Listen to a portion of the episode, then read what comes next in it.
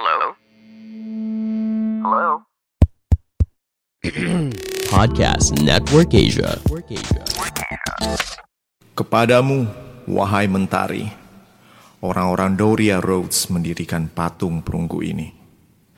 Menghadap ke Olympus setelah mereka memenangkan perang dan memahkotai kota mereka dengan jarahan dari musuh.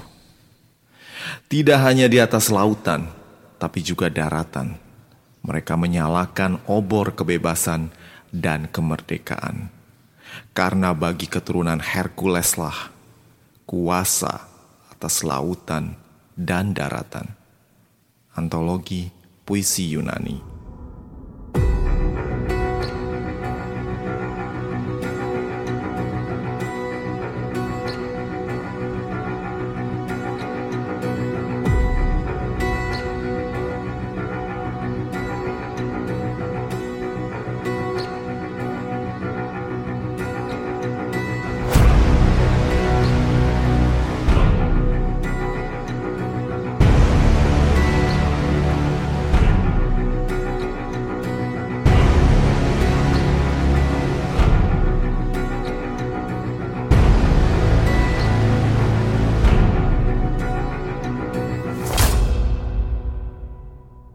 Matahari bersinar dengan cerah di pelabuhan Ferry Roads waktu gua nyampe dengan Blue Star Ferry waktu itu. Bau garam khas tepi laut menyerbu seiring dengan buayan angin laut yang semilir. Gue lagi berada di dek kapal ngeliat gimana kapal gede ini merapat setelah berlayar semalaman dari Santorini. Roads di musim panas memang sangat indah. Dengan laut yang mengharu biru, langit yang cerah tanpa awan, dan sinar mentari yang begitu kuat. Gak heran kalau pulau ini identik dengan Helios, sang dewa matahari. Rhodes adalah pulau terbesar di Kepulauan Dodecanis yang artinya 12 pulau, walau kenyataannya ada sekitar 15 pulau besar dengan 150 pulau kecil yang tersebar di antara Laut Aegea dan juga Laut Mediterania, tidak jauh dari daratan Asia Minor atau wilayah Republik Turki sekarang. Karena posisinya yang strategis, pulau yang bentuknya mirip ujung tombak ini berada di jalur perdagangan, militer, dan juga budaya. Penduduk Rhodes nggak asing dengan para penyerbu yang kepengen nguasain mereka, walau sering kali mereka itu lebih suka dagang daripada perang.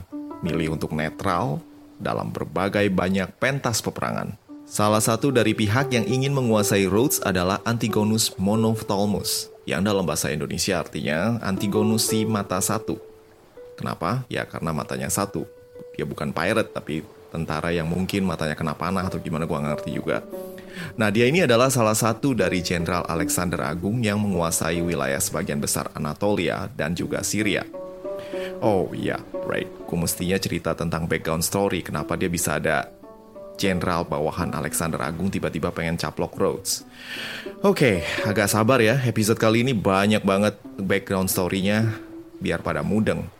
Don't worry, gue akan jelaskan dengan singkat dan juga seru, plus santuy. Gue yakin kalian pernah dengar nama Alexander Agung. Ya, di episode yang lalu, ketika gue bahas tentang kuil Artemis, gue sebutkan kalau kelahiran si penakluk ini adalah alasan kenapa Artemis bisa lalai menjaga kuil Artemis yang sampai kemudian jadi terbakar. Nah, Alexander Agung dalam misi penaklukannya Beliau menyapu wilayah Persia sampai ke India dan menaklukkan banyak wilayah. Jadi wilayahnya itu luas banget, terbentang dari Macedonia sampai ke wilayah India, sedikit. Jadi Alexander di usia 33 tahun menjadi penguasa wilayah yang luas dan multicultural. Top of the world. And then he died.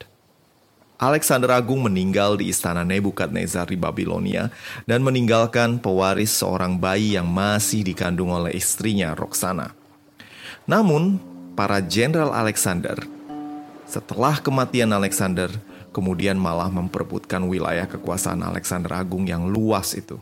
Antigonus, Lysander, Ptolemy, dan jenderal-jenderal yang lain berusaha untuk memperoleh wilayahnya masing-masing dan saling bertarung untuk supremasi tertinggi dalam perang yang kita sebut dengan nama perang Diodaki.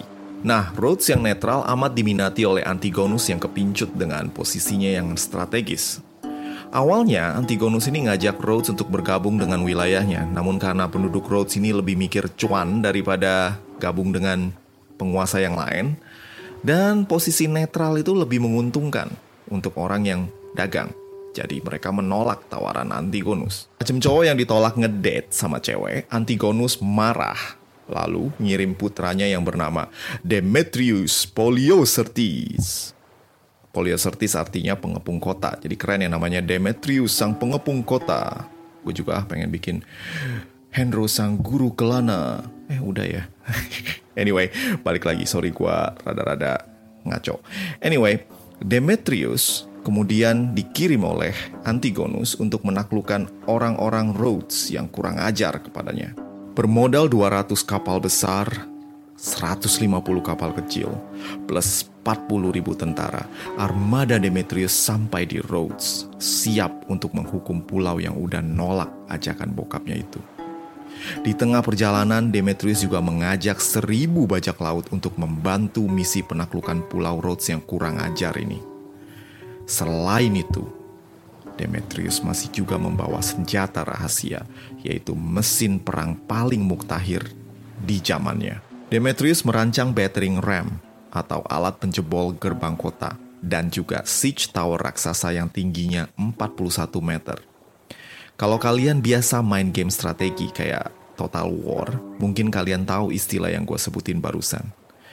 Tapi buat pendengar yang masih awam, nih gue jelasin sedikit. Karena kota-kota di zaman kuno sampai abad pertengahan biasanya dilindungi oleh tembok tinggi dengan benteng, pihak penyerang harus mencari cara untuk masuk ke dalam kota ya nggak mungkin kan kalau lu main lari ke pintu gerbang terus gedor-gedor. Dijamin belum nyampe gerbang, lu udah mati di panah. Nah, makanya untuk membantu para prajurit bisa menerobos pertahanan lawan, maka diciptakanlah beberapa alat perang yang bermanfaat untuk tujuan tersebut. Contohnya, battering ram. Nah, battering ram ini adalah semacam alat penggedor pintu gerbang yang dibuat dari kayu dan ujungnya dibenturkan ke gerbang untuk mendobrak supaya pasukan-pasukan bisa langsung masuk dan menyerbu, merampok, menjarah atau apa pun itu. Alat yang lain adalah siege tower. Siege tower ini adalah menara portable beroda yang biasa dinaiki oleh prajurit. Lalu kalau udah nempel di tembok kota, para prajurit langsung bisa turun dan menaklukkan para penjaga benteng dan ujung-ujungnya membuka gerbang agar tentara lain bisa masuk Mungkin jelasnya kalau lu nonton film ah ya Kingdom of Heaven atau Lord of the Rings. Oh, my favorite movie. Nah, Siege Tower yang dibuat oleh Demetrius ini ukurannya masif, gede banget. Dengan tinggi 44 meter dan juga lebar 20 meter, menara raksasa ini bakalan bikin jiper para pasukan Rhodes yang berjaga di benteng. Selain itu, di puncak Siege Tower ini ada mesin serbu yang bisa memuntahkan batu raksasa. Oh ya, di-upgrade juga dengan lempengan perunggu supaya makin kuat dan gak mempan di panah atau dilempar api. Nah, dengan jumlah pasukan besar, peralatan canggih, niat baja, dan juga pemimpin yang namanya itu pengepung kota, mestinya Demetrius ini pasti sukses dong. Tapi ternyata kagak. Wak, wak. Demetrius gagal luar biasa. Dan dia mesti berdamai dengan penduduk Rhodes dan harus pergi dari Rhodes ninggalin semua peralatan perang yang amat canggih itu di depan tembok kota. Dan penduduk Rhodes pun bergembira ria. Musuh kabur, mereka tetap merdeka, dan ada banyak peralatan perang yang bisa dijual. Cuan bener. Kalau lu pengen tahu berapa cuan yang diterima oleh Rhodes setelah menjual semua perlengkapan perang Demetrius, lu bakalan kaget. Penduduk Rhodes menerima 300 talenta. Jadi satu talenta itu senilai 6.000 drachma dan kalau dikonversikan dengan harga sekarang 300 talent itu sekitar 360 juta USD. Yang kalau kita tukar dengan kurs hari ini tanggal 4 Februari 2022 ketika gua nulis skrip ini itu seharga 5 triliun 172 miliar 210 juta rupiah. Kaget kan? Dewan kota pun kemudian berunding. Mesti diapain nih cuan? Apa buat dibagiin ke orang-orang miskin terus sisanya diinvest di saham? No. Bangun tembok yang lebih kuat biar yang nyerbu pada jiper? No. Mereka memutuskan untuk membangun patung raksasa dewa pelindung mereka yaitu Helios. Karena why not? Helios sudah melindungi mereka dan menyelamatkan Rhodes. Iya kan? Namanya juga uang kaget, ya mau diapain lagi selain bikin patung gede? Helios adalah personifikasi dari sang mentari. Lahir dari Titan Hyperion dan Thea, Helios menepati peranannya sebagai sang surya bersama kedua adiknya Eos, sang fajar, dan Selene, sang rembulan. Helios, Eos, dan Selene adalah para Titans yang berkuasa saat Kronos masih memegang kekuasaan di alam semesta sebelum Zeus dan saudara-saudaranya menggantikan mereka. Helios digambarkan sebagai seorang pria ganteng yang naik kereta ditarik oleh empat kuda berapi. Kerjaannya ngidar bumi dari timur ke barat. Di kemudian hari, peranan Helios sebagai dewa matahari campur aduk dengan Apollo sehingga sulit membedakan peran mereka. Namun tidak seperti Apollo yang populer dan banyak ceritanya, Helios sepertinya hanya memegang peranan kecil dalam mitologi Yunani. Cerita paling populer tentang Helios adalah tentang anaknya Phaeton yang pernah ngerengek minta pinjem kereta kuda miliknya selama sehari. Maybe buat show off, trying to impress a girl or something. Awalnya Helios menolak mentah-mentah. Tapi kemudian setelah sang anak terus-terusan ngedumel, dia pun setuju untuk meminjamkan hanya sehari saja. Phaeton menunggang kereta kuda api itu dengan serampangan, kadang terlalu dekat dengan bumi hingga membakar permukaan benua Afrika yang kemudian menjadi gurun. Dan ketika sang anak tak tahu diri itu diminta bergerak menjauh, dirinya bergerak terlalu jauh dari bumi hingga bagian utara Eropa menjadi dingin membeku. Zeus yang tak kenal basa-basi kemudian melemparkan kilatnya ke Phaeton yang kemudian jatuh ke sungai Eridanos. Ya gimana matahari kan bukan mainan. Ah, apa hubungan Rhodes dengan Helios? Konon, Rhodes adalah pulau yang dipilih oleh Helios sendiri sebagai miliknya. Jadi saat para dewa lagi ngelotre bagi-bagi jatah wilayah, Helios lagi sibuk ngeronda bumi dari timur ke barat. So, beliau ketinggalan dan gak dapet wilayah. Si Helios protes sama Zeus. Mungkin ngomong, Eh, Zeus, kok gue gak kebagian sih? Gaci nih. Zeus yang kasihan ngeliat Helios muter-muter melulu tiap hari, lalu mempersilahkan Helios untuk memilih wilayah yang dia mau. Helios yang kerjanya muter-muter setiap hari menemukan satu pulau yang masih terkubur di bawah lautan dan kemudian membangkitkannya dari laut. Diberikannya kehidupan dan sang mentari pun jatuh cinta pada seorang gadis jelita yang ada di sana, yaitu Rhodes. Demikianlah asal mula nama si pulau dan hubungannya dengan Helios. Rhodes adalah sedikit dari kota-kota di Yunani yang menyembah Helios sebagai dewa utama. Dan karena mereka menganggap Helios berjasa dalam menjaga mereka, mereka pun ingin menghargai sang dewa dengan patung yang ukurannya gede banget. Dengan dana yang luar biasa, mereka ingin membangun sebuah patung yang lebih besar dari patung Zeus di Olympia, yaitu salah satu dari tujuh keajaiban dunia kuno yang lain. Dan juga mereka ingin patung ini lebih keren dari patung Athena di Parthenon. Pokoknya mesti bigger and better. Proyek pembangunan patung ini kemudian dipercayakan kepada orang dalam mereka sendiri yaitu Charles from Lindos alias Charles dari Lindos. Charles adalah murid langsung dari Lysippos yang merupakan pemahat jenius zaman kuno yang juga merupakan satu-satunya pemahat yang dipercaya oleh Alexander Agung untuk memahat patungnya. So, Charles pasti pembuat patung yang jago. Detail tentang pembangunan patung ini amat sedikit dan terkadang bersumber dari tulisan yang dibuat puluhan tahun atau berabad-abad sesudah pembangunan patung ini. Oh ya, gue lupa. Colossus of Rhodes artinya patung raksasa dari Rhodes. Kata Colossus berasal dari kata Kolossos dalam bahasa Yunani yang artinya patung raksasa. Kolossus, Kolossos, gimana dengan Kolosium? Ada hubungannya nggak ya? Oh jelas. Kolosium, arena pertarungan di Roma tersebut, yang sekarang jadi sasaran foto kalau orang pergi ke Roma, ini mengambil nama dari patung raksasa Kaisar Nero yang dulu terletak tak jauh dari arena gladiator tersebut. Nah, info tambahan tuh biar tambah pinter. Nah, kita balik lagi. So, Charles membuat patung Helios dari perunggu dan juga campuran tembaga. Konon, bahan dasar dari patung ini diambil dari senjata milik pasukan Demetrius dan kemungkinan Siege Tower yang nggak kejual juga dipakai sebagai stagger dalam pembuatan patung ini.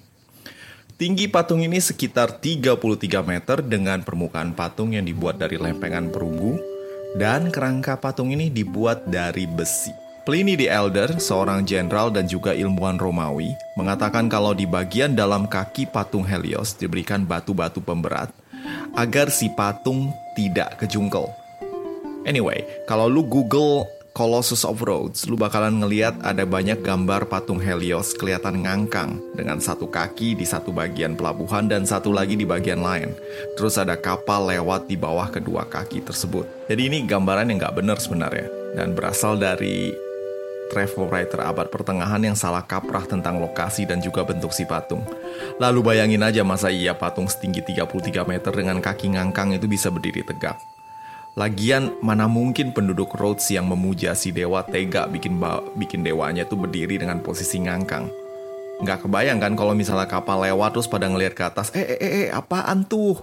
Gak, gak mungkin, konyol itu mah. Berdasarkan penelitian dan kesimpulan dari para arkeolog, patung Helios dipastikan berdiri dalam posisi berdiri di atas satu platform marmer yang diameternya 15 meter.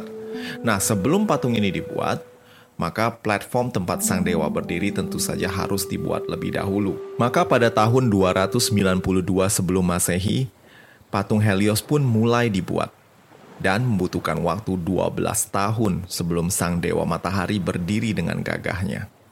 Sayang Charles, sang pematung tidak bisa melihat hasil dari kerja kerasnya. Si pematung bunuh diri sebelum patung Helios selesai dibangun. Konon, Charles bunuh diri setelah seorang bijak menyampaikan adanya kesalahan fatal pada patung Helios yang dibangunnya. Menyadari orang bijak ini benar, Charles kemudian bunuh diri. Malu. Ada versi lain yang mengatakan kalau dia terlibat utang yang amat besar dan milih bunuh diri untuk kabur dari utang. Gua nggak tahu versi mana yang benar, jadi pick your favorite. Dan di satu pagi yang cerah di tahun 280 sebelum Masehi, Helios berdiri menyambut pagi.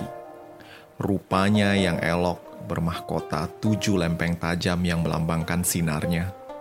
Tangan kanannya terangkat dengan posisi beri hormat, mirip dengan posisi kita ketika lagi upacara 17 Agustus. Tangan kirinya memegang selendang yang terjuntai ke bawah. Helios, sang mentari, bersinar dengan gemerlapnya di bawah mentari pagi. Para penduduk Rhodes dengan semarak menyambut keberhasilan mereka. Mereka telah berhasil membangun patung terbesar di dunia kuno. Mungkin kalau kalian Google Colossus of Rhodes dan ketemu pose yang berbeda-beda. Ada yang ngangkang, ada yang megang obor, ada juga yang megang anak panah, ada juga yang megang pedang. Yang jelas, nggak ada yang tahu aslinya bagaimana wujud Helios ini. Deskripsi yang gue jelasin tadi adalah pose Helios yang paling umum, sehingga mungkin yang paling mendekati. Berbagai ekskavasi di kota kuno Rhodes berhasil menemukan koin-koin kuno dengan wajah Helios dan juga patung Helios yang sangat mirip dengan patung Alexander Agung. Masih ingat waktu gue bilang Charles, si arsitek pembangunan patung Helios ini adalah murid langsung dari Lysippos, sang seniman pribadi Alexander Agung? Well, besar kemungkinan Charles menggunakan wajah Alexander Agung sebagai wajah dari Helios. Alexander Agung walau sudah tiada lama sebelum patung ini dibangun, tidak bisa dilupakan begitu saja oleh orang-orang Yunani. Figur sang penakluk itu begitu terkenal dan rupanya tetap diabadikan oleh orang-orang Yunani. Sumber-sumber sejarah tentang patung Helios ini kebanyakan berasal dari penulis yang hidup berabad-abad setelah pembangunan sehingga informasi yang diberikan itu cenderung kagak valid. Namun seluruh sumber tersebut setuju bahwa pada tahun 226 sebelum Masehi, gempa bumi yang dahsyat terjadi di Rhodes. Rhodes kala itu adalah salah satu kota terkaya di Mediterania. Dan tanpa diduga-duga, gempa terjadi merobohkan fondasi bangunan-bangunan di kota. Kuil-kuil runtuh, rumah penduduk roboh, hingga para penduduk berlarian keluar berusaha menyelamatkan diri. Dan patung Helios pun tak luput dari bencana. Terdengar dentuman dahsyat seperti bunyi lonceng besar ketika Helios tersungkur dengan lutut yang patah. Badannya dari kepala sampai ke lutut terjerembab jatuh patah beberapa bagian. Strabo, seorang travel writer yang pernah mengunjungi Rhodes pada masa hidupnya, mengatakan bahwa patung Helios jatuh dan tak pernah dibangun kembali. Konon, para penduduk Rhodes sempat mengunjungi Oracle Delphi dan bertanya, apakah mereka boleh membangun kembali patung tersebut. Namun, jawaban Oracle adalah no, tidak, nehi, pukei. Kata Oracle, Helios tidak suka patung tersebut dan karena itulah sang patung bisa roboh. Mungkin si Helios nggak suka desainnya atau gimana, gua nggak tahu dah. Raja Mesir yang keturunan salah satu Jenderal Alexander Agung juga, Ptolemy ketiga, menawarkan untuk membayar biaya reparasi dan juga pembangunan kembali patung Helios. Namun, para penduduk dari Rhodes menolak. Takut kalau Helios malah marah karena Oracle sudah bersabda, Akhirnya reruntuhan patung Helios tersebut teronggok begitu saja dan walaupun dalam kondisi macam besi rongsokan, tetap jadi atraksi wisata yang menarik buat orang-orang yang mengunjungi Rhodes selama 800 tahun. Raja Mesir yang keturunan salah satu Jenderal Alexander Agung juga, Ptolemy ketiga, menawarkan untuk membayar biaya reparasi dan juga pembangunan kembali patung Helios. Namun, para penduduk dari Rhodes menolak takut kalau Helios malah marah karena Oracle sudah bersabda. Akhirnya reruntuhan patung Helios tersebut teronggok begitu saja dan walaupun dalam kondisi macam besi rongsokan, tetap jadi atraksi wisata yang menarik buat orang-orang yang mengunjungi Rhodes selama 800 tahun. Dan setelah itu, reruntuhan patung Helios hilang dari catatan sejarah. Dan apa yang terjadi dalam kurun waktu 800 tahun ini rada misterius. Nggak ada sumber jelas tentang ke mana reruntuhan patung tersebut pergi. Ada beberapa spekulasi, namun namanya juga spekulasi belum tentu benar. Spekulasi pertama berkata kalau patung Colossus ini sempat didirikan kembali oleh penduduk Rhodes, yang waktu itu berada di bawah kekuasaan dari Kekaisaran Roma. Menurut Eusebius, seorang penulis Kristen, Kaisar Vespasian yang membangun kembali patung tersebut. Namun sumber ini bertentangan dengan kesaksian dari Pliny the Elder yang bilang kalau patung ini nggak pernah dibangun lagi. Nah, Pliny ini nulis di tahun 77 Masehi. Jadi, nggak tahu siapa yang benar. Ada sumber lain yang bilang kalau Kaisar Hadrian yang memperbaiki patung ini dan juga Kaisar Commodus, you know, kalau lu nonton film Gladiator, ini kaisar jahat yang jadi musuh dari Russell Crowe. Dia memenggal kepala patung Helios dan juga mengganti kepalanya dengan wajahnya sendiri ya kalau lu baca tentang sejarah Romawi lu bakal tahu kalau misalnya Commodus ini rada-rada gila dan dia nganggep kalau dirinya adalah reinkarnasi dari Hercules dan dia nggak suka kalau ada patung yang lebih tinggi dari patung lain selain dirinya. Jadi dia nggak suka kalau ada patung Helios yang paling keren. Dia maunya dia yang paling keren. So, patung Helios kepalanya dipenggal dan diganti dengan patung dia. Tapi spekulasi ini juga rada susah dipercaya karena habis itu patungnya ke mana? Nggak ada info. Nah, sekarang kita ke spekulasi kedua. Jadi, lo orang tahu kan kalau misalnya kekaisaran Romawi itu dulunya sebenarnya pagan alias nyembah dewa-dewi. Sampai ke saat di mana Kaisar Konstantin memeluk agama Kristen dan perlahan kekristenan menjadi agama negara.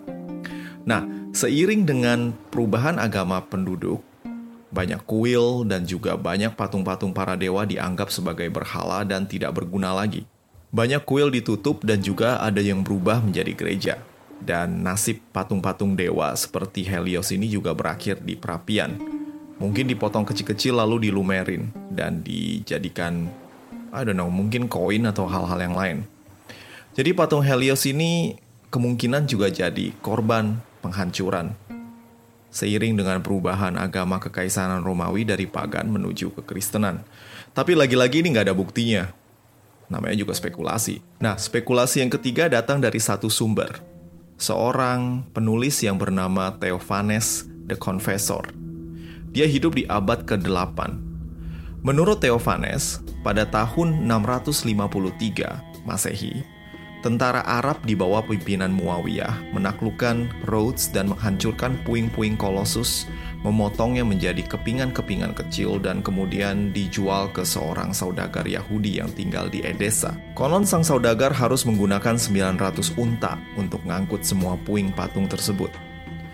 Sumber ini rada lebay karena aneh aja kalau misalnya 900 unta karena para ahli memperkirakan 100 unta aja udah cukup. Lagian saudagar ini duitnya seberapa banyak sampai bisa beli segitu. Sumber lain berasal dari seorang sejarawan yang bernama Agapius.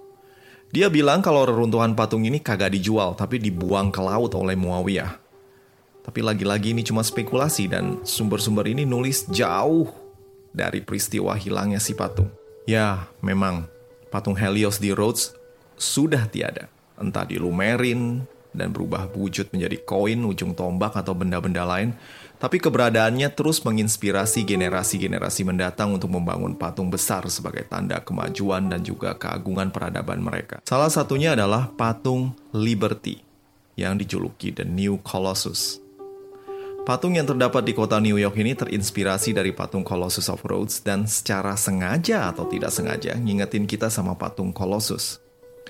Kedua patung ini sama-sama dibuat dari perunggu dan tembaga, sama-sama berdiri dekat pelabuhan, dan sama-sama bermahkota lempengan besi tajam yang melambangkan sinar. Waktu gue pergi ke Rhodes di bulan Juli tahun 2015, gue sempat mengunjungi beberapa tempat yang diperkirakan merupakan tempat patung Colossus ini berada. Maklum, nggak ada sumber yang jelas tentang di mana letak dari patung ini berdiri dulunya. Ada yang bilang kalau patung ini letaknya di pelabuhan Mandraki yang sekarang ditandai dengan patung rusa dan domba yang konon merupakan tempat kedua kaki sang patung berada. Ada juga yang bilang kalau patung tersebut mungkin terletak di benteng Saint Nicholas yang terletak menjorok keluar dari pelabuhan Mandraki. Nah, pendapat ini diperkuat dengan adanya penemuan landasan marmer oleh para kesatria Saint John yang digunakan sebagai fondasi benteng tersebut. Namun hal ini agak sulit diterima karena cukup sulit untuk membangun patung di lokasi yang rada menjorok laut. Ada juga yang bilang kalau patung ini letaknya di dekat kuil utama Helios yang sekarang adalah Palace of the Grandmaster atau Istana Pemimpin Kesatria Saint John, ordo kesatria dari Eropa yang dulu pernah menempati Rhodes sebelum terusir oleh tentara Ottoman di bawah pimpinan Sultan Sulaiman the Magnificent. Dan tibalah kita ke lokasi terakhir, yaitu Acropolis Rhodes.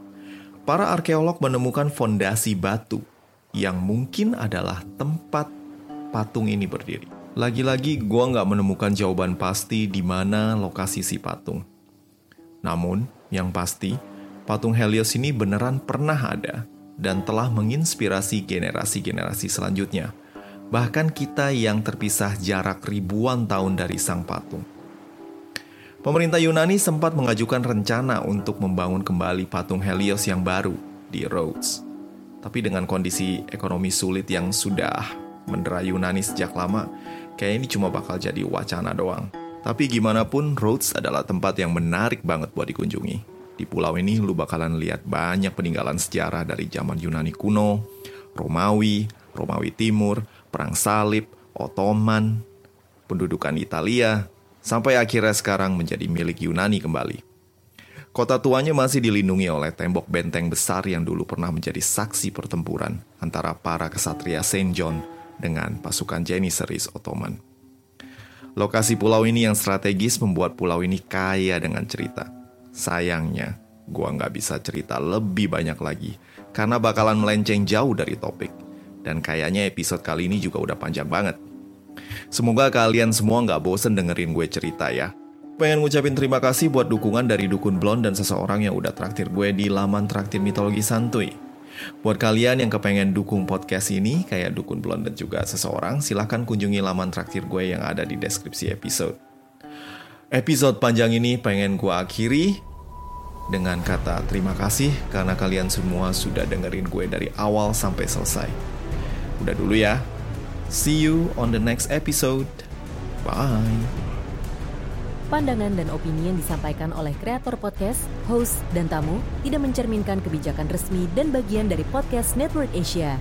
Setiap konten yang disampaikan mereka di dalam podcast adalah opini mereka sendiri dan tidak bermaksud untuk merugikan agama, grup etnik, perkumpulan, organisasi, perusahaan, perorangan, atau siapa pun dan apa pun.